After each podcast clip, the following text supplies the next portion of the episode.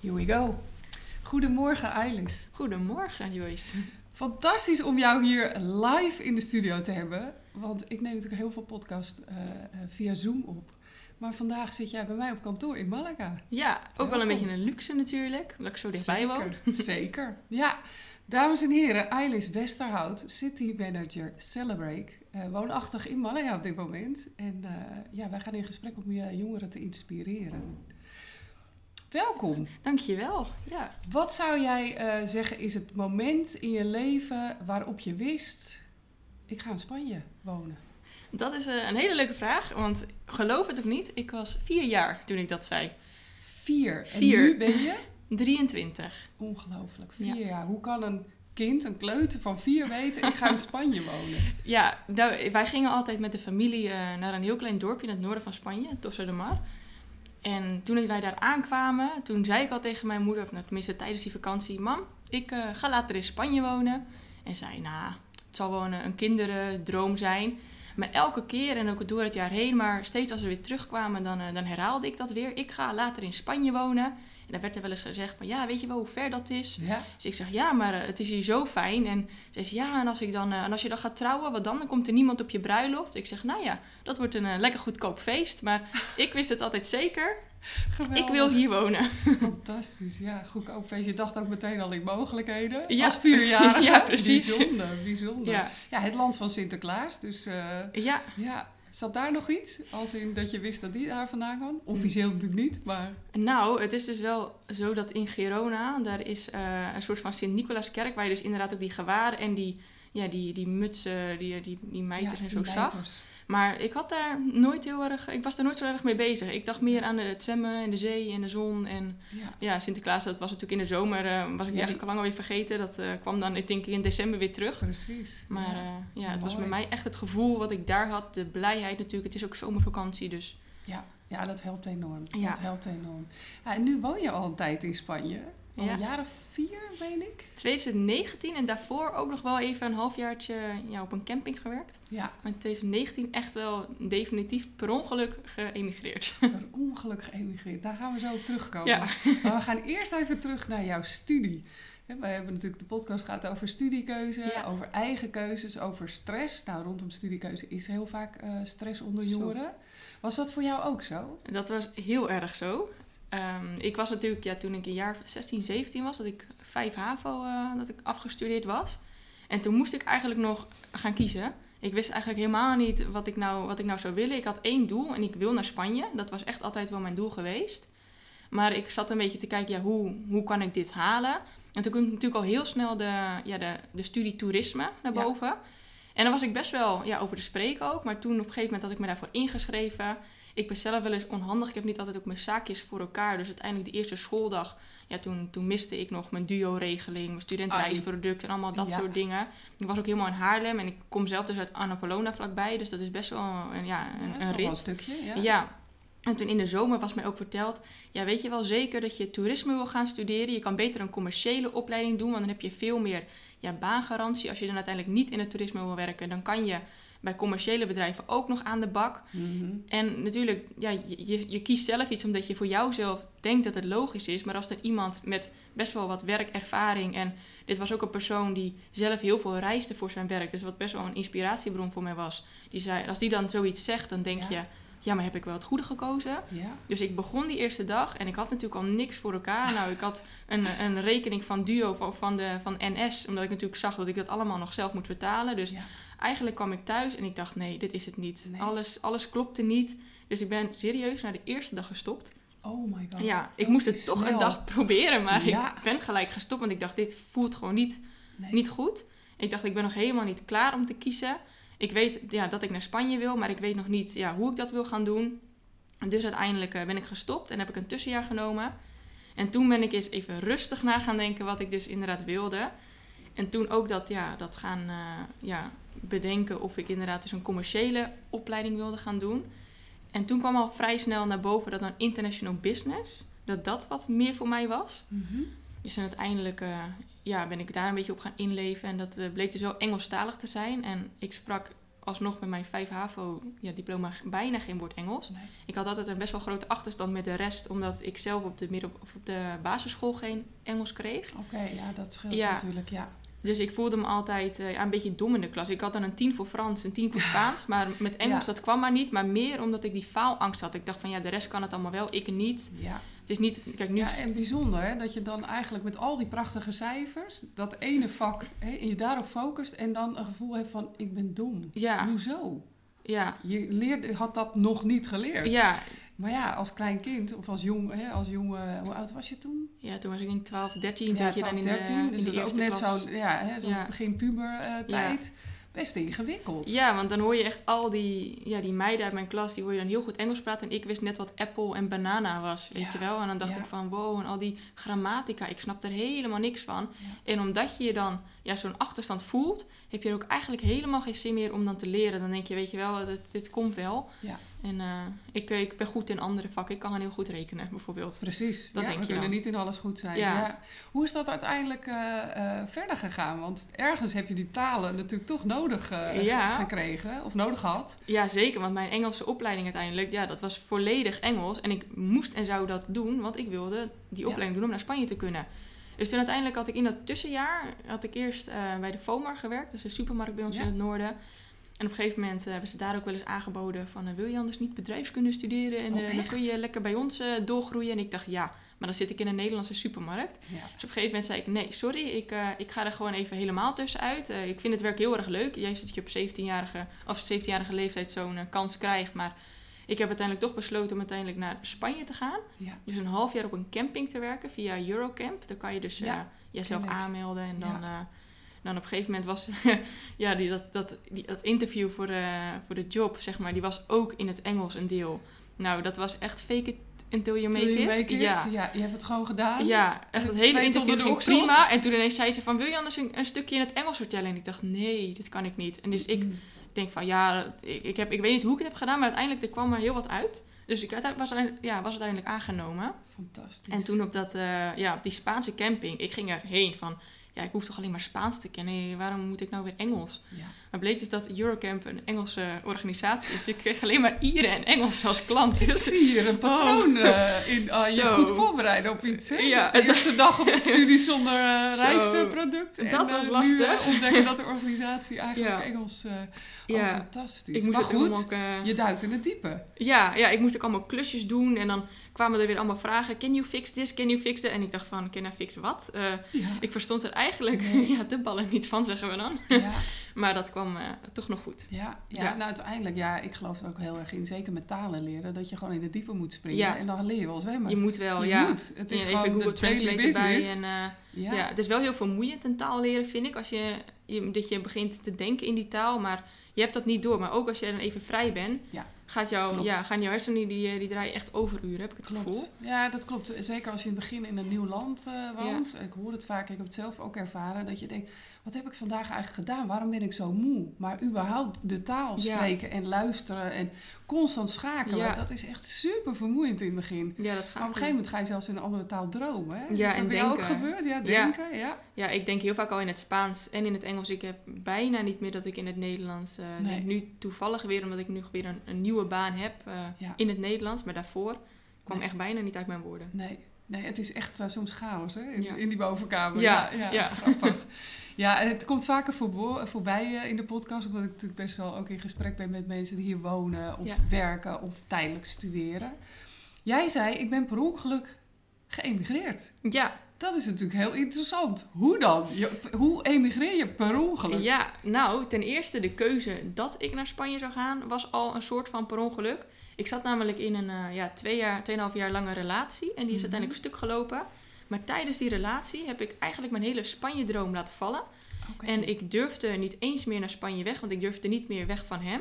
Dus ik wilde uiteindelijk eh, voor mijn ja, verplicht onderdeel van school, ik moest in het buitenland studeren en stage lopen, ehm, wilde ik naar Gent, België. Oh, België. Ja, ja. want ik dacht, het hoe is zo, dicht, dichtbij mogelijk. En ik was Mhm. dus even helemaal mezelf kwijt. Kwam niet door hem hoor, het kwam meer door mezelf en het, Ja. het, ja, mijn eigen grenzen ineens eh, aanpassen. Dus het had niks met hem te maken, maar dus meer dat ik, dat ik ja, in die verliefdheid... eh, Ja. Ja, dat Zat. soms, ja. ja, en toen eh, ja, ben eigenlijk dus toch een soort van mezelf verloren daarin. En toen uiteindelijk was dat uit. En nou, was het natuurlijk hartstikke verdrietig op Ja. het moment. Maar uiteindelijk een maand later dacht ik, maar wacht even. Ja, nu Mhm. ik single ben, kan ik eigenlijk weer doen wat ik zelf wil. Precies. Dus toen eh, had ik nog maar een maand om mijn stage te regelen. Oeps. Oeps, ja, daar gaan we weer. Dus ik, nou, kijken online, eh, hoe zit dat? Dus ik, eh, oh, jong leren kwam ik dus tegen. Ja, ja, ja. Dus ik, nou, maar even mailen van, kunnen die mij misschien helpen? Het is natuurlijk wel een beetje kort dag. Nou, dat kon wel, gelukkig. En ja, maar die hadden wel alleen nog maar stages in Malaga. En ik was echt zo'n ja, Catalaan, je wilt niet weten. Want natuurlijk, Tossa ligt in Catalonië. Dat, Ja. dat is vrij boven Barcelona, tussen Barcelona en de Franse grens. En daar kom ik natuurlijk al mijn hele leven, dus met heel Spanje. ja. Dus Vooral- Andalusia had je nog helemaal niks mee. Daar had ik helemaal niks mee. En daar was ik ook nog wel op tegen. Want mijn vrienden daar, Ah, ja, het is Ja. daar echt heel Catalaans. Het is een klein dorp en die zijn echt van ja, Spanje, dit en dat. eh, ja. en ze- eigen veel, land eh, binnen het land. Ja, die hebben ja. zelf ook heel weinig nog maar gereisd. Ja, ik zie een keer eh, naar, de- naar de ambassade in Madrid bijvoorbeeld. Maar Ja. verder komen die nergens buiten Catalonië bijna. En toen, eh, nou oké, ja, is dat de enige mogelijkheid? Ja, ja, verder eigenlijk wel. Oké, nou doe maar, want ik heb geen tijd om eh, Ja. meer te regelen. En ik kwam hier aan en echt de eerste week, ik was verliefd in Ma- op Malaga. Op Malaga. Ja, en toen eh, ja, dacht ik uiteindelijk ook van oké, nu vind ik het ook wel leuk om meer van Spanje te gaan zien. Dus heb ik me uiteindelijk eh, voor mijn andere ja, verplicht, verplicht onderdeel van de studie moet je een uitwisseling doen. Dus met een Ja. andere universiteit. In plaats van een minor kan je dat dus doen. En toen het, ja, heb ik me dus ingeschreven voor de, voor de universiteit in Santander. Dat is Oh, in mooi. En Cantabria. daar spreken ze heel mooi Spaans. Ja, ja, een heel stuk duidelijker Spaans Klopt. ook. Ja, dan hier. Zeker. Ja, dat klopt. Ja, en eh, ondanks dat ik er dus niet heel goed voor stond, omdat dus al die vakken in het Engels waar ik daar aan het begin best wel wat moeite mee had, stond mijn Spaans natuurlijk eh, in de top 10. Dus Ja, ja, dus uiteindelijk had ik toch nog een soort van voorrang dat ik daarheen kon. Dus ik, eh, ik blij. Dus ik uiteindelijk, ja, na dat half jaar Malaga dan toch mijn spullen ingepakt en eh, naar Santander eh, verhuisd. En toen kwam natuurlijk COVID. ja. En toen uiteindelijk eh, hadden heel veel studenten besloten uiteindelijk terug te gaan naar hun eigen land. Hmm. Maar ik had mijn familie geappt. Ik zeg, ja, ik ben aan dit avontuur begonnen. Ik voel helemaal nog niet dat ik er klaar mee ben. Hoe lang dit ook duurt, ik wil hier blijven. En als ik echt, echt terug wil, dan kan dat altijd wel. Precies. Dat is ook wat ik dacht. Was niet helemaal de realiteit. Want eindelijk zaten wij natuurlijk zeven weken binnen. En na die vierde zware week... lockdown. Ja, zeker weten. We mochten natuurlijk alleen maar naar de dichtstbijzijnde supermarkt. Ja, en dus na vier weken dacht ik toch wel van... Nou, eigenlijk eh, vind ik het toch wel fijn om misschien weer naar Nederland te gaan... om een beetje mijn vrijheid terug te krijgen. En dat kon dus niet meer. Nee. Ik kon eh, niet meer vliegen, je kon niet meer de grenzen door. Je Nee. kon eigenlijk helemaal niks meer. En zelfs binnen Spanje kon je nergens heen. Toen uiteindelijk ging in mei gelukkig wel alles weer eh, ja, ja, Ja, stap voor stap open. Ja. Toen heb ik uiteindelijk eh, een auto moeten huren. Omdat ik met zoveel spullen, ik ben ook echt een verzamelaar van zoveel spullen.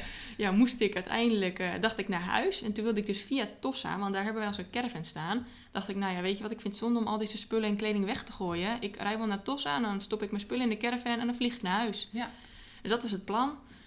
Dus ik eh 900 kilometer eh, in mijn eentje gereden.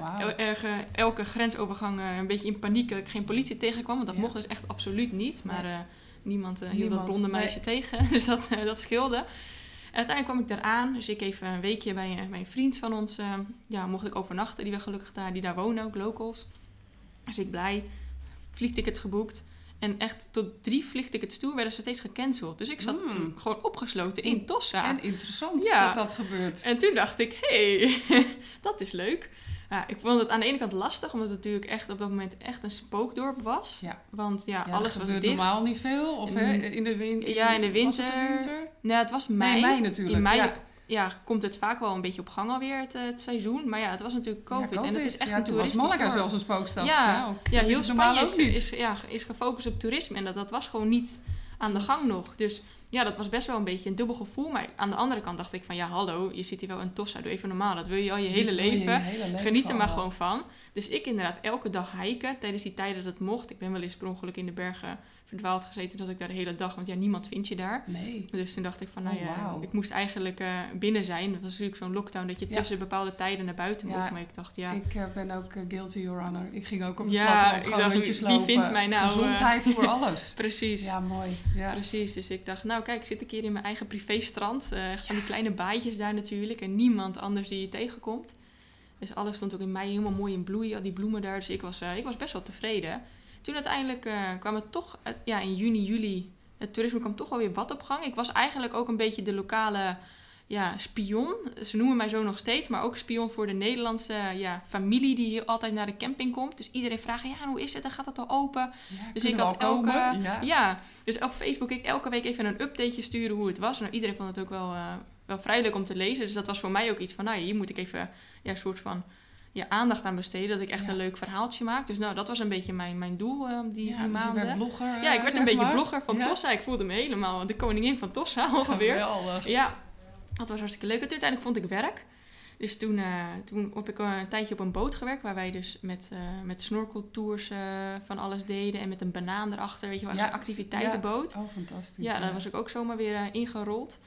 En toen, ja, uiteindelijk wilde ik daar heel graag blijven eerst. En uiteindelijk ook weer niet, omdat de mensen die ik tegenkwam waren precies een beetje de verkeerde personen. Dus eigenlijk alle locals die ik leerde kennen, dat waren dan toevallig allemaal jongens. Iets te knap dan eh, dat zou Mm. moeten. En ja, die zijn natuurlijk op één ding uit. En dat Ja. is niet jouw eh, gezellige praatjes. Nee.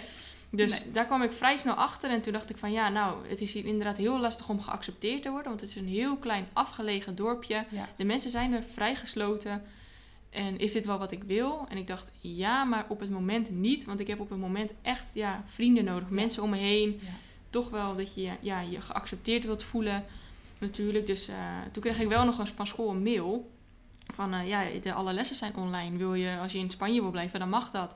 Dus ik Ilfie Ja. geappt. Dat is een Ja. bekende hier, geloof ja, ik. zeker weten. Ja. Van, hé hey, Ilfie, hoor je dit? Eh, ik heb les online. Jij ook? Ja, ja, ik ook. Zullen we naar Malaga terug? Dus eh, ja, nou, dat gaan we, gaan we gewoon Gaan proberen. Ja. dus ik uiteindelijk weer een auto eh, gehuurd. En weer ja, 800 eh, kilometer van, van noord naar zuid gereden. Toen hier beland. Uiteindelijk om te studeren dus. Echt eh, ja, alle de vakken ernaast. En ik moest uiteindelijk ook nog mijn scriptie afronden. Dus toen ben ik uiteindelijk hier beland in Malaga. Was het een beetje lastig werk zoeken. Ik was er eigenlijk ook niet heel erg mee bezig. Want ik dacht, ja, ik studeer nog. Als ik nu ga werken, dat, dat ga ik er echt niet naast redden. Maar toen eh, kwam dus het hele verhaal waar ik nu dus mee zit. Dus ik ben nu de city manager van Celebrate. Dat is een kleine ja, start-up in de voetbalwereld. Ja. En de eigenaar daarvan, die was weer beste vrienden met iemand van Tossa. Die wist dat ik voetbal speelde. Hoe toevallig is dit ja, dan? dat kan je je toch niet Hoe voorstellen. toevallig is Ja, dit? Het is Ongelooflijk, echt want er bijzonder. zit gewoon een, een 800, 900 kilometer Ja. tussen inderdaad. Ja, precies. Bizar. Dus ja, dat... Als je het hebt over tekenen en over geloven in dat dingen geen toeval zijn, Ja, dan here nou, you have it. Hier heb je echt het bewijs inderdaad. Dus hij eh, had inderdaad gezegd van... Ja, nou, ik ken wel een meisje in Malaga die, eh die voetbalt. Die wil misschien jouw bedrijf daar wel opzetten. Dus eh, ja, ik wilde er eigenlijk eerst helemaal niks van weten. Ik dacht, ik heb het veel te druk met mij in mijn school. Ja. Maar toen zei hij van... Ja, als je nou dat voor ons doet... mag je ook je scriptie met ons afronden. Ah, Dus ik dacht, kijk, nou wordt het interessant. nou wordt het interessant, ja. ja. Dus ik uiteindelijk eh, ja, de scriptie schrijven. Maar ik wilde dat dus voor de Malaga-markt doen. Maar toen zei school, ja, maar het is een Spaans bedrijf. En Malaga is in Spanje, dat is geen internationale scriptie. Dat klopt. Oef, ja, Ja. Dus toen dacht ik, hmm, nou weet je wat? Ik doe het wel voor de markt voor Argentinië. ja dus toen, sprekend, ja. Ja, toen dacht ik, nou, dat is toch nog een beetje. En dat was ook wat, eh, wat het bedrijf interesseerde. Dus uiteindelijk zat ik en met eh, ja, vier vakken die ik nog moest afronden. Ik zat met mijn scriptie en een fulltime baan. En een fulltime baan. Ja, Hoe heb je dat gedaan? Want de, de gemiddelde student inderdaad, die, die, nou, die krijgt al stress als hij het woord scriptie hoort überhaupt. ja. Hoe heb je dat gedaan? Ja, ik, als ik daar nu op terugkijk, ik weet nog steeds niet hoe ik dat heb gedaan. Want het is ook nog zo dat ik echt een hele hoop heb afgereisd. Elk weekend was die- ik wel, eh, wel ergens anders. Ja. Zat ik weer in de bergen hier, eh, was ik weer eh, even een weekje naar Tossa. Uiteindelijk toch nog weer opnieuw om op, het opnieuw te proberen. Dus het was ook niet zo dat ik echt alleen maar met werk en school bezig was. zat, Ja, ik nee. had een hele hoopjes vrienden waarmee ik nog elke dag afsprak. Dus hoe ik het uiteindelijk heb gedaan, weet ik niet. Maar ik weet wel dat het niet de juiste manier was. En daar kwam ik dus achter ja, afgelopen september, augustus. Toen ik in een, eh, ja, als ik het zo mag noemen, burn-out Ja, beland ja. ben. Ik heb Klink- soms klinkt ook als eh, niet gek naar zo'n Nee, eh, Nee. fase. Nee, ja, ik vind het soms lastig om het woord burn-out te gebruiken, want ik weet eigenlijk niet precies wat het is. Maar ik weet wel dat ik altijd echt zo'n heel ja, sterk ritme had. Dat ik om 7 uur opstond, ging ik sporten, dan eh, ging ik de natuur in en dan ging ik wat voor school doen, wat voor werk doen. Dus ik had zo een beetje mijn hele dag gepland. En op een gegeven moment, in augustus, toen ik hier in, eh, in Malaga weer terugkwam na de zomervakantie, wat ook in, in groot chaos was, toen eh, ja, kwam ik er gewoon achter dat ik gewoon in mijn bed niet meer uitkwam. Ja. En dat ik gewoon de hele dag moe was. En ik had allemaal taken voor Celebrate, dit en dit moest gebeuren. En ik kwam er gewoon niet aan toe. Nee. Dus Ja, ja, dat zijn eh, ver- verkeerde signalen Ja. inderdaad. Als je lijf eh, het Ja. begint, eh, hè, begint te schreeuwen. ja, en dat vond ik zo apart dat ik gewoon niet, ik kon niet meer sporten. Ik kon niet meer echt van mijn dag genieten. Ik wilde niemand meer om me heen zien. Ik dacht, ik wil gewoon weg, weg, weg. Ik wil alleen zijn. Ja. Ja, dat, ja, daar heb ik ook wel weer een beetje ja, mijn vruchten van weten te, te plukken. Mooi, noem de je dat les zo? uitgeleerd. Jazeker, vruchten van geplukt. Ja. Want, eh, want ook omdat ik daardoor, dus met mijn laatste soort van ja, doel afgelopen maanden ben begonnen. Dat was dus uiteindelijk terug naar Tossa, elke maand. Om eens te zien of het buiten de zomer ook, eh, ja, ook leuk op is. jouw plek is. Ja, dus de- Nog ja, steeds de droom van de vierjarige Ja, die precies. ergens misschien voor een veel langere tijd eh, waarheid gaat worden. ja, want juist door die, ja, die burn-out dan dacht ik, ik ga eens even tijd voor mezelf nemen. En elke maand ga ik gewoon even een weekje heel Malaga uit. Want ik voelde gewoon dat heel Malaga voor mij, dat dat gewoon te veel werd. Gewoon die Ja. stad en de mensen. Ja, en dan- en inmiddels was het natuurlijk veel drukker hier in de stad. Ja, Ja, en je moet dit en je moet dat. En je denkt, ik ga even lekker rustig thuis zitten. En appt er toch een vriendinnetje. En dan ga je toch maar weer heen. Ja. En toen dacht ik van, als ik nou gewoon naar Tossa ga, dat is waar ik echt tot rust kom. En waar ik echt gewoon even zelf na kan denken. Dus toen heb ik ook met de mensen daar besloten als een soort van ja, stiekeme oplossing van... Weet je wat, we gaan dit, de- deze, ja, dit doel aan. Ik kom elke maand terug, een week. En dan ga ik kijken elke maand of ik Tossa dus inderdaad in de winter ook leuk vind. Want Ja. iedereen zei altijd tegen mij, ja, dat is echt een spookstad. Ja. Dat ga je niet leuk vinden, het is zo saai. Dus ja, toen Ja, eh, maar soms van, is nou, saai dat, ook heel eh, fijn, hè? Ja, Als de juiste balans er is. Ja, precies. En hoe, hoe gaat dat? Want nu, hè, je bent eh, weer maanden verder. Ja, ik heb het inmiddels eh, vorige maand afgerond. Dus hebben we ook nog eh, ja, weer gegeten en het is een soort van gevierd bij het restaurantje waar ik mijn nieuwe vrienden daar voor het eerst heb ontmoet vorig jaar mei. Want omdat ik dus zei, de eerste keer dat ik daar was, heb ik alleen maar een beetje de verkeerde mensen Ja. ontmoet. Ja. En toen echt de laatste dag in mei, toen kwam ik dus in de nieuwe, ja, de nieuwe vriendengroep. Toen leerde ik mensen kennen en die, ja, die zijn echt zo fantastisch. Daar kom ik elke keer nog voor terug en die appen me ook van, hé, hey, kom je al, we missen je. En als Ah, ik daar mooi. ben, ze Ja. nemen me overal mee naartoe. Ga je mee lunchen? Ga je mee dit? Ga je mee dat? Dus Ja. ik voel me nu ook echt wel eh, dat, ik er, dat ik erbij hoor daar. Ja, het is, het is natuurlijk een beetje dubbel, want je moet dat uiteindelijk vanuit jezelf voelen. Maar ja, toch Klopt. als je in een plek bent, als je helemaal Klopt. niemand jou leuk vindt, nou dat is ook niet... eh, dat is heel vervelend. ja, dat is ook niet fijn. En vooral als je niet weet waarom, dat je denkt, wat doe ik verkeerd? Want volgens mij ja, ben ik gewoon hartstikke leuk en aardig tegen iedereen. En ik probeer niks en van niemand echt mee te liften ook. En dan als je dan het gevoel krijgt dat misschien toch de mensen denken van... ja, die is hier alleen eh, een beetje de, de leuke toerist aan het uithangen. Ja. Dat was vooral ook wat ze, wat ze dachten. was wel grappig, want ik heb normaal gesproken altijd jasjes aan, van die blazers.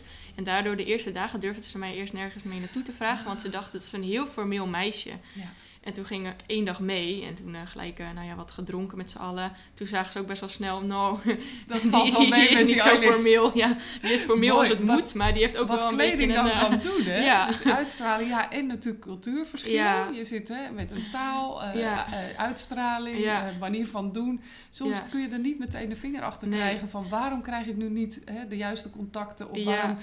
Ja, begrijpt de ander mij niet? En ja, ik, het was. Ja, het was uiteindelijk vrij snel duidelijk ook. Want toen ik dus met die jongens zat, ehm, waren er dan vier, eh, vier nieuwe die ik, die ik wel kon. Dat was nog het allerleukste. Want ik heb die andere. Ik heb natuurlijk al mijn FBI eh, ja, mode aangezet. En Ja. iedereen te, te stalken. eh. ja, te spioneren van wie zijn dit, wie zijn dat. Dus ik wist al wie zij waren. Ja. En dat brak voor ons ook het ijs. Dat ik en hun namen al kende. Ik zei, ja, jij bent die en die. En jouw vader is die en die. En dit en dat en dat. En zij Oh. keken me echt zo aan van, wow. Hoe weet jij Hoe dat? weet jij dit? En ik zeg van ja, en, en ik weet dit en dit, die woont daar en daar. Dus eigenlijk juist als grapje dat spionnenspel. Daarom noemen ze mij dus nog steeds ook de spion van Tossa. Ik vind het zelf eh, fantastisch. Sherlock Ja, Holmes. ja, precies. Ook altijd als ze, als ze iets willen weten, ze vragen soms wel eens mij. Ik zeg ja, nu valt dat wel mee, dat was precies toen. Ja, Maar als ze, hey. Alice, weet jij dit en dit? Ik zeg ja, nee. En het is ook niet dat ik het doe om te roddelen. Het is meer dat ik het gewoon voor mezelf, ik wil het wel weten. Ik vind het wel interessant. Dan denk ik ook een beetje wie is wie in, in het dorp. Ja. Nou, Dus, het is ook een deel van eh, een manier van integreren Ja, natuurlijk. van ja. Zeker als eh, en in Spanje is vaak familie eh super belangrijk. Ja, Dus ehm, ja, als je daar dingen over weet, Ja. dan ja, ik kan me voorstellen Ja. dat ze dan heel blij zijn met, met jou. precies. ja, Ja, met, met jou als persoon. Van, hè, daar willen we wel mee omgaan. dat is wel... mooi. En je laat zien dat je blijft terugkomen. En dat is mijn ervaring dat ook na vooral. 14 jaar. Dat in het begin mensen mij ook aan konden kijken van... eh, ja, maar hoe lang ga jij dan weer blijven? Ja. Want je hebt natuurlijk heel veel gelukzoekers die eh, naar Spanje komen... maar Ja. binnen een half jaar weer weg zijn. Of soms binnen een maand Ja. al. Of eh, een jaar. En soms met een heel gezin verhuizen en toch snel weer weg zijn. ja, ja, op het moment dat je langer t- je gezicht laat zien en, en inderdaad echt de interactie aangaat, ja, dan ga je er veel meer bij horen. Want dan zien ze, hé, hey, iemand bouwt echt zijn leven hierop. Ja, precies. En dan wordt, het, eh, ja, dan wordt het veel leuker natuurlijk, ook voor hun. Want anders is het investeren in iemand die weer weggaat. Inderdaad. En dat was natuurlijk ook zo. Zij noemde wel eens wat namen. En ik kon gewoon met hun meepraten de eerste dag al. En zij dachten echt van wie is deze meid? Dus Ja. ik uiteindelijk vertelde ook van ja, ik kom hier al twintig jaar. Ik ben niet Ja, de, de typische ja, toerist, ja. Die, toerist die hier één keer even komt, even kijken. Oh, leuk dorpje, leuke kust. Even een leuk souvenirtje kopen ja. en ik ga weer. ja, en dat brak dus zo erg het ijs dat ik eigenlijk en al heel veel van de mensen wist. En van al die barretjes, restaurantjes. Ik zei, oh ja, want dat is nu dit en vroeger was dat dit. Dus ja, het was ook niet dat er, een, dat er zo'n zo'n zo'n soort van, ja, eh, hoe noem je dat? Dat er een soort iets tussen zit dat je niet Ja. mee kan praten met de mensen. Dat je niet weet waar ze het over hebben. Ja, een barrière. dus, ja, een barrière er inderdaad. Nee. Die was er niet. Dus Dus dat jij daar vanaf je vierde gewoon ja, Ja. meedeed, dat Ja. hielp natuurlijk enorm. ja, ik wilde Prachtig. er altijd toen al. Ik voel hier ook een les in voor hè, mensen die luisteren. Die denken, nou, die Eilish die, doet, eh, die leeft natuurlijk wel een echt Ja. heel bijzonder leven. Ja. Zit daar een les in? Als in hè, je verdiepen in... eh, Nou, ik denk dat dat dus ook is. Want heel vaak iedereen, ik denk dat elke meid het sowieso wel kan bevestigen. Dat als jij bijvoorbeeld een jongen leuk vindt op Instagram, jij gaat zijn hele Instagram af. Te kijken met wie is de foto's, wie is dit meisje, wie is dat meisje. Dat zijn dingen die geven wij niet graag toe. Maar juist als je dat soort dingen een beetje met een grappige manier vertelt, kan het dus ook weer in je voordeel werken. Want dat Ja. spioneren, als ik het zo mag noemen, dat doen we allemaal. Want we zijn Ja. allemaal benieuwd en nieuwsgierig en we willen het lurken, weten. wordt het ook wel genoemd. Ja. Dat je hè, niks zelf Ja. zet, maar wel alles Ja. leest wat er gebeurt Ja. op social media. Oh, fantastisch. En dat wordt ja. soms een beetje als een negatief iets gezien, maar dat ligt natuurlijk aan wat je met die informatie doet. Kijk, als jij die informatie gebruikt om vervolgens over iemand anders achter zijn rug om te praten, dat is heel wat anders dan dat jij er een grapje over maakt van ja, ik weet wie, jou, wie jouw broer is en ik weet dat hij dit en dit is en dat hij Ja. daar en Ja, daar en diegene heeft het uiteindelijk zelf gedeeld natuurlijk Ja. ook. Dus hè, dat is natuurlijk Ja. ook de social media eh, Ja. wereld. En het laat uiteindelijk gewoon jouw interesse ook zien in dat persoon. Ja, dus, mooi. Ja. Ja, ik denk dat het allemaal eh, neerkomt op met welke intentie doe je iets. En mooi dat je zegt, dat als je het echt doet om te roddelen, ja, dan heeft dat een hele negatieve intentie. En doe je het om iemand beter te leren kennen en hè, het ijs te breken, dat is wel interessant. Want eigenlijk, als je het eh, zakelijk zou vertalen, dan ga je een bedrijfswebsite eerst ook eens uitspellen. En een, eh, een Instagram-account. Van, goh, Ja. wat doen ze eigenlijk? En wie werken Zeker. daar? En, en hoe zit dat? Dus eigenlijk ja, is Ja. het een soort van je toekomstige Ja. vriendengroep eh soort van Inderdaad. analyseren. Zouden we het zo kunnen noemen? Inderdaad, en ik denk ook wel dat de truc is dat als je de dingen die je leest, dat je daar niet conclusies uit trekt. Nee, Want- heel mooi. want- Geen aannames. Ja, want ik zie ook wel eens dingen en denk van, wat is dit nou weer voor gek? Maar ik, ja, want een paar van mijn vrienden die zetten wel eens filmpjes erop. Eentje dat hij naakt op de fiets rondfietst door, door Tossa, omdat zijn eh, kleding is uit een badkamer gestolen voor een filmpje. Ja. En dan kan je denken van, wat zijn dit voor debielen? Maar je kan er ook de lol natuurlijk van inzien. En je kan uiteindelijk ook dat persoon zelf uiteindelijk vragen van, hoe zit dit? Eh, Ja, of waarom, waarom deel jij dit? En helemaal waar. En soms kan iemand dan denken, goh, nou ik laat het lekker staan. En soms kan iemand denken, oh, daar heb, heb, heb ik helemaal niet over nagedacht. Ja. Dat dat dat bereik heeft. Ja. Hè? Dat vergeten heel veel mensen ook.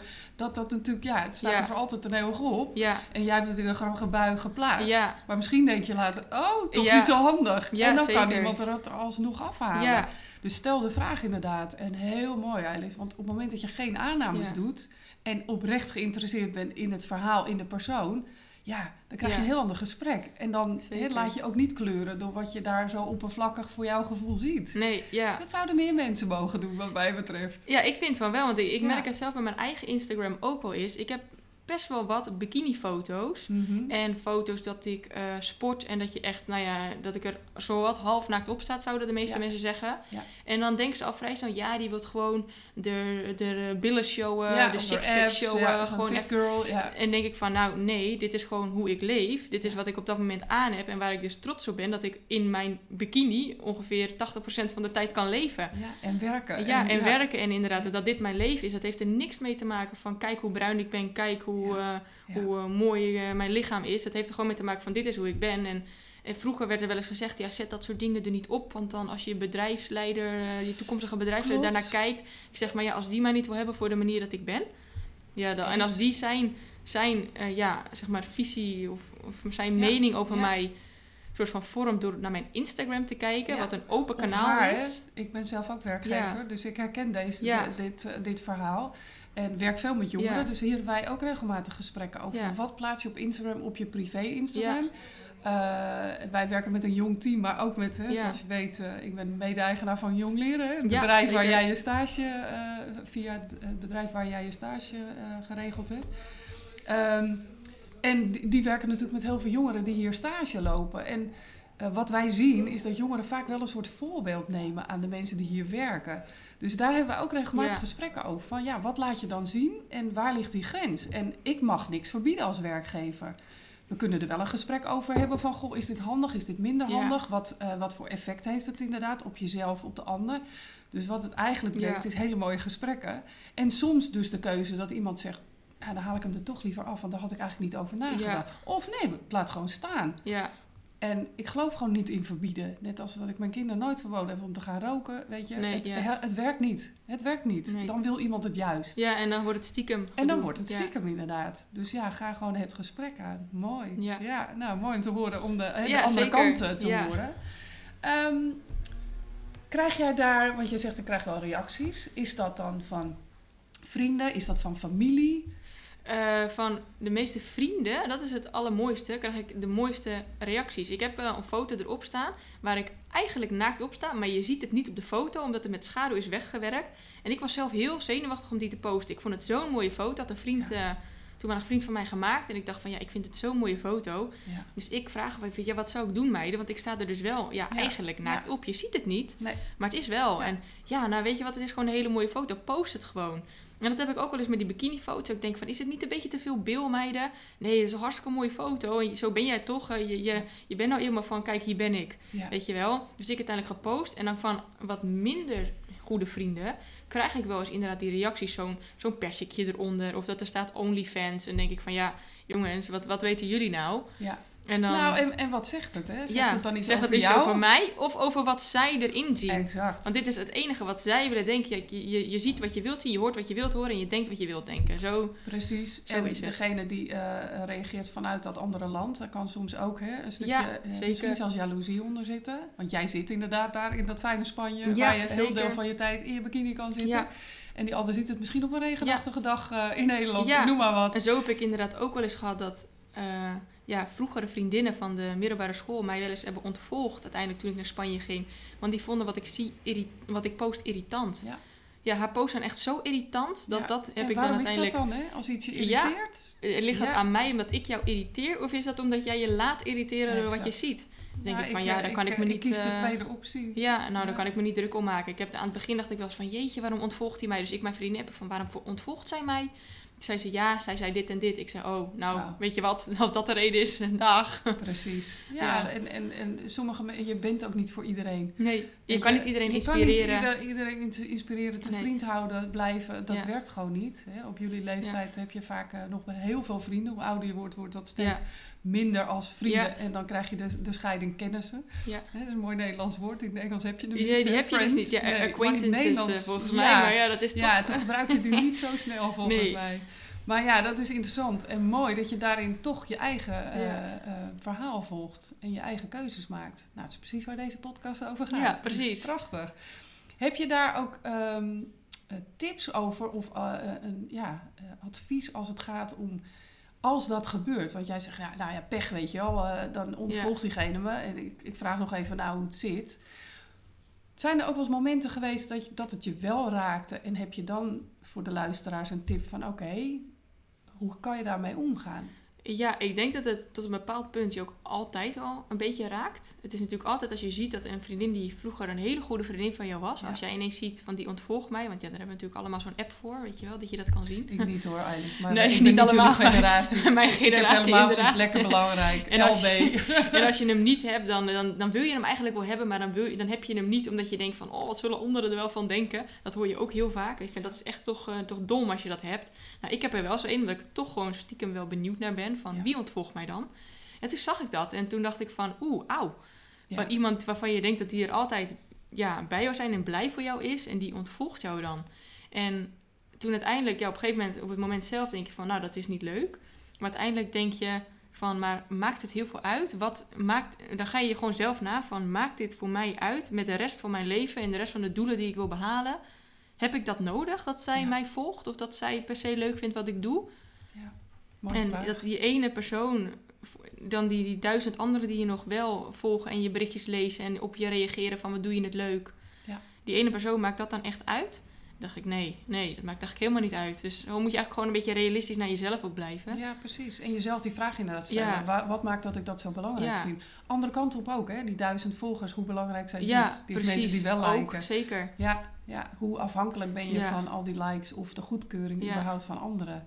Nou, als ik jou zo beluister, dan valt het hard mee. Ja. Want je, je volgt echt daarin echt je eigen hart en je Ja. eigen keuzes. Ja, Heeft je familie je daar ook altijd in gesteund? Want ik weet ook uit ervaring dat het ingewikkeld soms kan zijn dat je in een ander land woont dan je familie. ja. Hoe gaan die daarmee om? Ik heb tot nu toe altijd nog gevoeld dat mijn familie me daar ook in steunt. Het was ook wel grappig, want toen ik dus wegging naar, eh, naar Spanje in 2019, die allereerste keer, zou ik natuurlijk maar voor een half jaar gaan. En toen zong mijn broer al, die zien we nooit meer terug. ja. En ik Ja. zo, nee, nee, nee, mam, eh, nee, echt niet waar hoor. Ik ga maar voor zes maanden. Ja. En eh, mam, ja, ja, inderdaad, zes maanden, joh, die komt echt wel terug. Want ja, je wilt ook niet eh, je, je moeder ongerust maken van, zou ik echt inderdaad voor altijd gaan? En toen inderdaad, beetje bij beetje, was het toch wel duidelijk dat ik dus inderdaad niet terugkwam. Maar ik krijg ook nog best wel vaak kaartjes en een berichtje van, we zijn zo trots op wat je doet. En Mm. eh, vive tu sueño, mijn moeder heeft dat zinnetje geleerd. Oh, spreekt geen. Spaans, maar dat, dat wel. Leef je droom. Ja, leef je droom en volg je hart inderdaad. En doe waar je zin in hebt. En we hebben het er ook wel eens over dat... ehm, kijk, eerlijk gezegd, als je hier in Spanje bent... verdien je niet heel veel. Verdien je niet zoveel als dat je in Nederland zou verdienen. Bedoel je? Ja. Maar toch heb ik zelf wel eens... Ik leef echt als een koningin. Ik doe echt precies waar ik zin in heb. En nu is er wel eens in de familie gevallen... dat bijvoorbeeld mijn zus zegt van... Ja, waar doet ze dat toch allemaal van? die vraag, dat is ook een hele Ja. Nederlandse vraag. Ja, Ja. ja. Waar en, komt dat geld vandaan? Ja, en dan, dan want die zien natuurlijk ook van ja, eh, wij eh, werken hier natuurlijk eh slag in de ronde in Mhm, Nederland. En mhm. we zitten hier eigenlijk van 9 tot, tot 5 werken we. En we hebben een keer twee weken vakantie en daarna kunnen we weer werken. En zij gaat naar Tossa, ze gaat naar de Dominicaanse Republiek, ze gaat naar dit, naar dat. En toen zei mijn vader ook echt van ja, Eides leeft. Ja. Weet je wel, eh, die, die denkt niet zoveel na over het geld zoals wij dat doen. Tuurlijk, het is belangrijk dat ik het geld heb en dat ik mezelf ermee rond kan krijgen. En dat ik natuurlijk uiteindelijk ook wat ga sparen. Want ik ben dus uiteindelijk bezig om iets te gaan kopen in Tossa. Mhm. Nou ja, dat kan natuurlijk niet eh, met drie, eh, drie cent op de bank. Nee, dat klopt. Dus dat is zeker waar. Dus ik ben er echt wel serieus mee bezig. Maar ik heb ook wel eens momenten dat ik niet zo sterk zit in het geld. En dat de meeste mensen dan misschien dik in een depressie of in paniek raken. Ja. Maar ik denk, ah joh, dat komt volgende maand wel weer. Ja. En Ja. die instelling, die, die begrijpt niet iedereen binnen Nee. de familie. Maar mijn vader dus weer wel. En die heeft zoiets van, ja, die, die leeft. Als die morgen dood neervalt, dan heb zij geleefd. Heeft ze geleefd. Ja, dan heb je gedaan al de tijd waar ze precies, precies zelf zin in had. De ene keer zat het financieel goed en de andere keer wat minder. En die periodes heb je natuurlijk ook. Natuurlijk ook al helemaal als je alleen bent. Kijk, als je al twee verdieners hebt in een gezin, dan, dan heb je altijd al iets om terug op te vallen. Maar ik heb dat natuurlijk niet. Dus ja, ik heb wel eens momenten dat ik denk, oh pap, eh, ik sta in de min. Kan je misschien even, Ja. weet je wel. En ja, ik snap best dat dat ook in de familie wel eens wat oplevert van... Ja, hallo, eh, de jongste thuis, eh, zij krijgt altijd en dan, weer van en dan alles. ze papa en dan Ja, komt het geld al ja. over de brug. Ja. Maar zij weten ook dat ik de maand daarna er weer extra hard voor werk om het weer ja. Op een bepaalde manier terug te proberen, ja, terug probeer te krijgen. En altijd ook als ik een lening heb, ik betaal hem wel af. Misschien duurt het drie jaar, maar ik probeer wel zo van. Ja, Ja. dus je, je het is echt niet dat ik er zo makkelijk over denk. Ja, en Ja. natuurlijk, ik, ik schaam me soms wel eens dat ik het moet vragen. Dat ik denk van, weet je wat, ik vraag deze maand Ilfie wel even of ze voor mij 100 euro heeft. Want ik Ja. ga niet weer aan mijn ouders vragen, weet je wel. En. Ilfie zegt, oh prima, dat komt dan wel weer.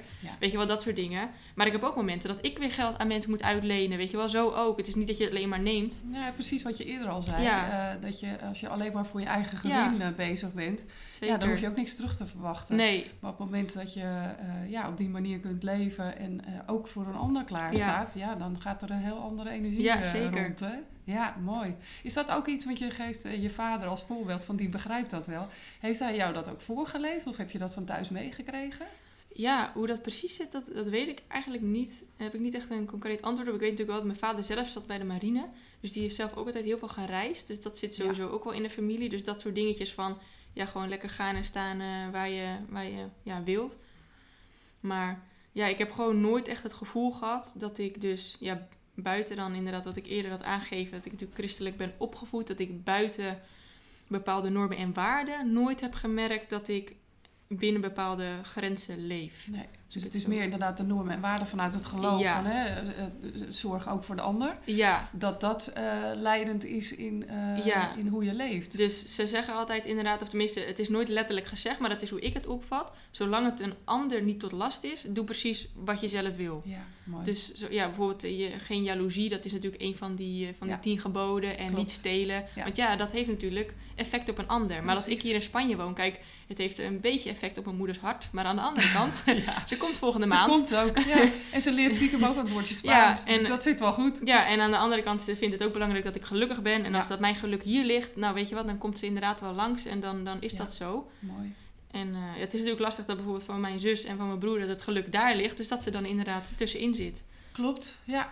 En tegelijkertijd eh, geen idee wat de toekomst natuurlijk gaat brengen. Nee. Ik bedoel, want hoe zie jij je eigen toekomst? Ik krijg regelmatig de vraag zelf, van, Nou, waar woon je over tien jaar? Eileen, waar woon je over Ja. tien jaar? Ja, ik, krijg, ik hoor altijd van mensen als je dat dan vraagt van ja, dat weet ik niet, maar ik weet het wel. En dat is, heb ik al mijn hele leven zo. Ik woon later in mijn huis met tuin en zes kinderen of vijf kinderen in Tossa. Met vijf Ja, kinderen, wauw. Dat is altijd wat ik eh, in mijn gedachten had. Kijk, en als het er later drie zijn, ook goed. Ook maar goed. Ja. dat is een beetje mijn, mijn ideaal beeld. En wanneer Ja. het dan is, want ik wil ten eerste, lijkt me gewoon heel leuk om kinderen op te voeden. Gewoon om Ja. ja. je eigen mini mensjes, eh, Ja. mini kopietjes soort van, maar dan toch op een eigen manier rond eh, te laten lopen. En dat je dan ook ja, kan leren om die te inspireren. En zij en, jou, eh, vergeet die ook niet. Ja, ja Kinderen precies. zijn de grootste spiegel, Ja, kan ja, ik ja. uit ervaring vertellen. precies. Elke Dan word dag. je echt geconfronteerd Elke met... eh, dag. Ja. Ja, en, de- ja, maar zodra ik mijzelf een beetje weet te handelen, hoop ik dat ik misschien ook wel begrijp. eh. En er zijn ook genoeg boeken over te lezen, wat natuurlijk vroeger helemaal niet zo erg gedaan werd.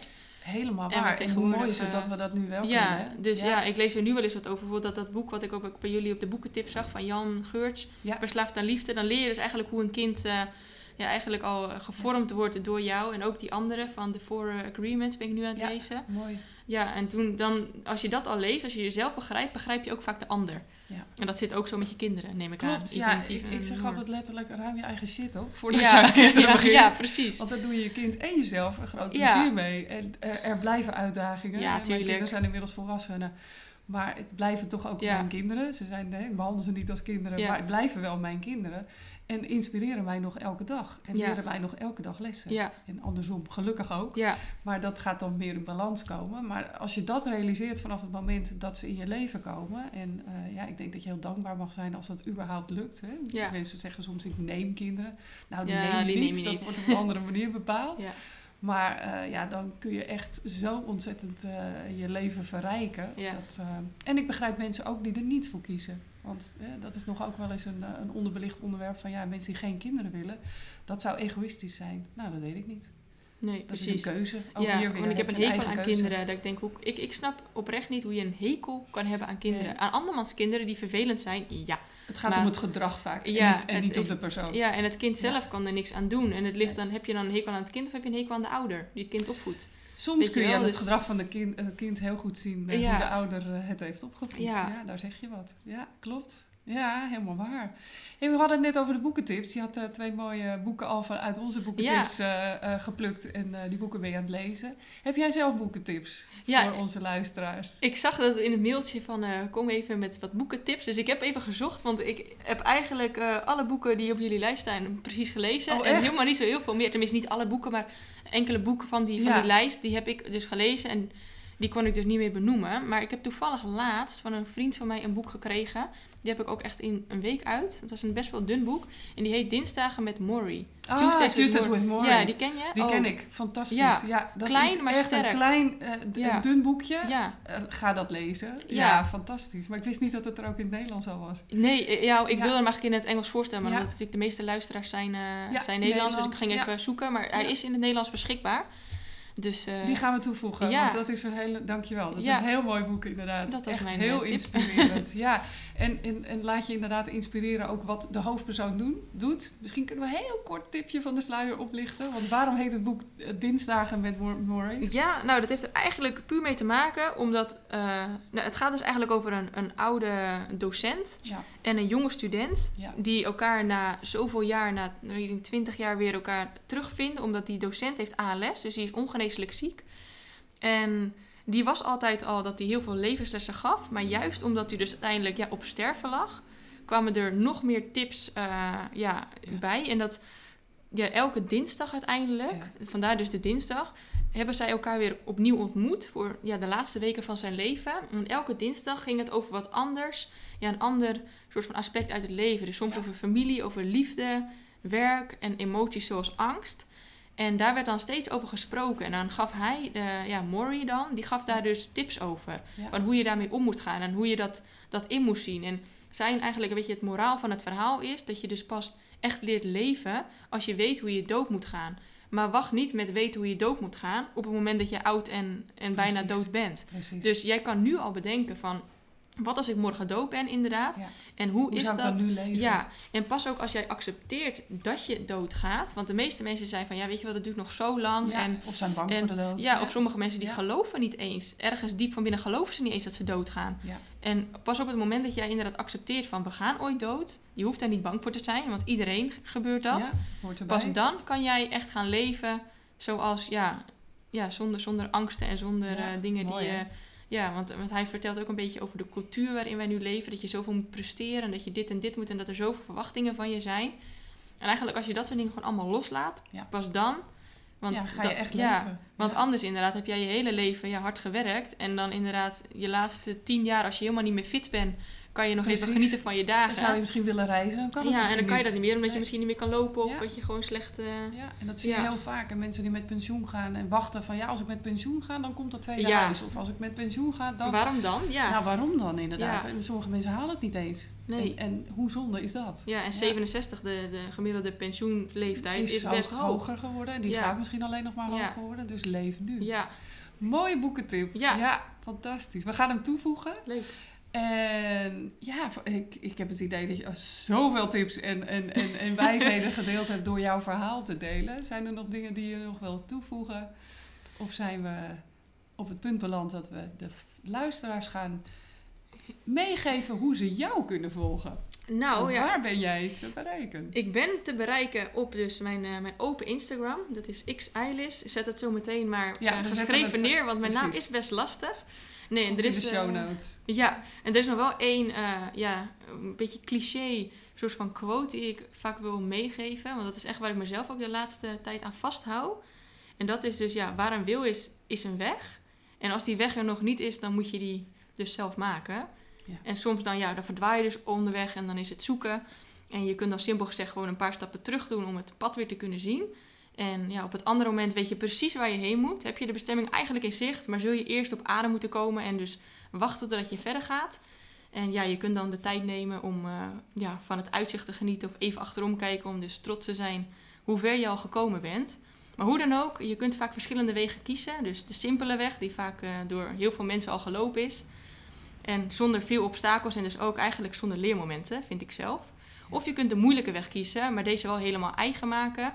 En dan, ja, het wordt ook vaak gezegd, de moeilijkere wegen leiden vaak tot de mooiste plekken.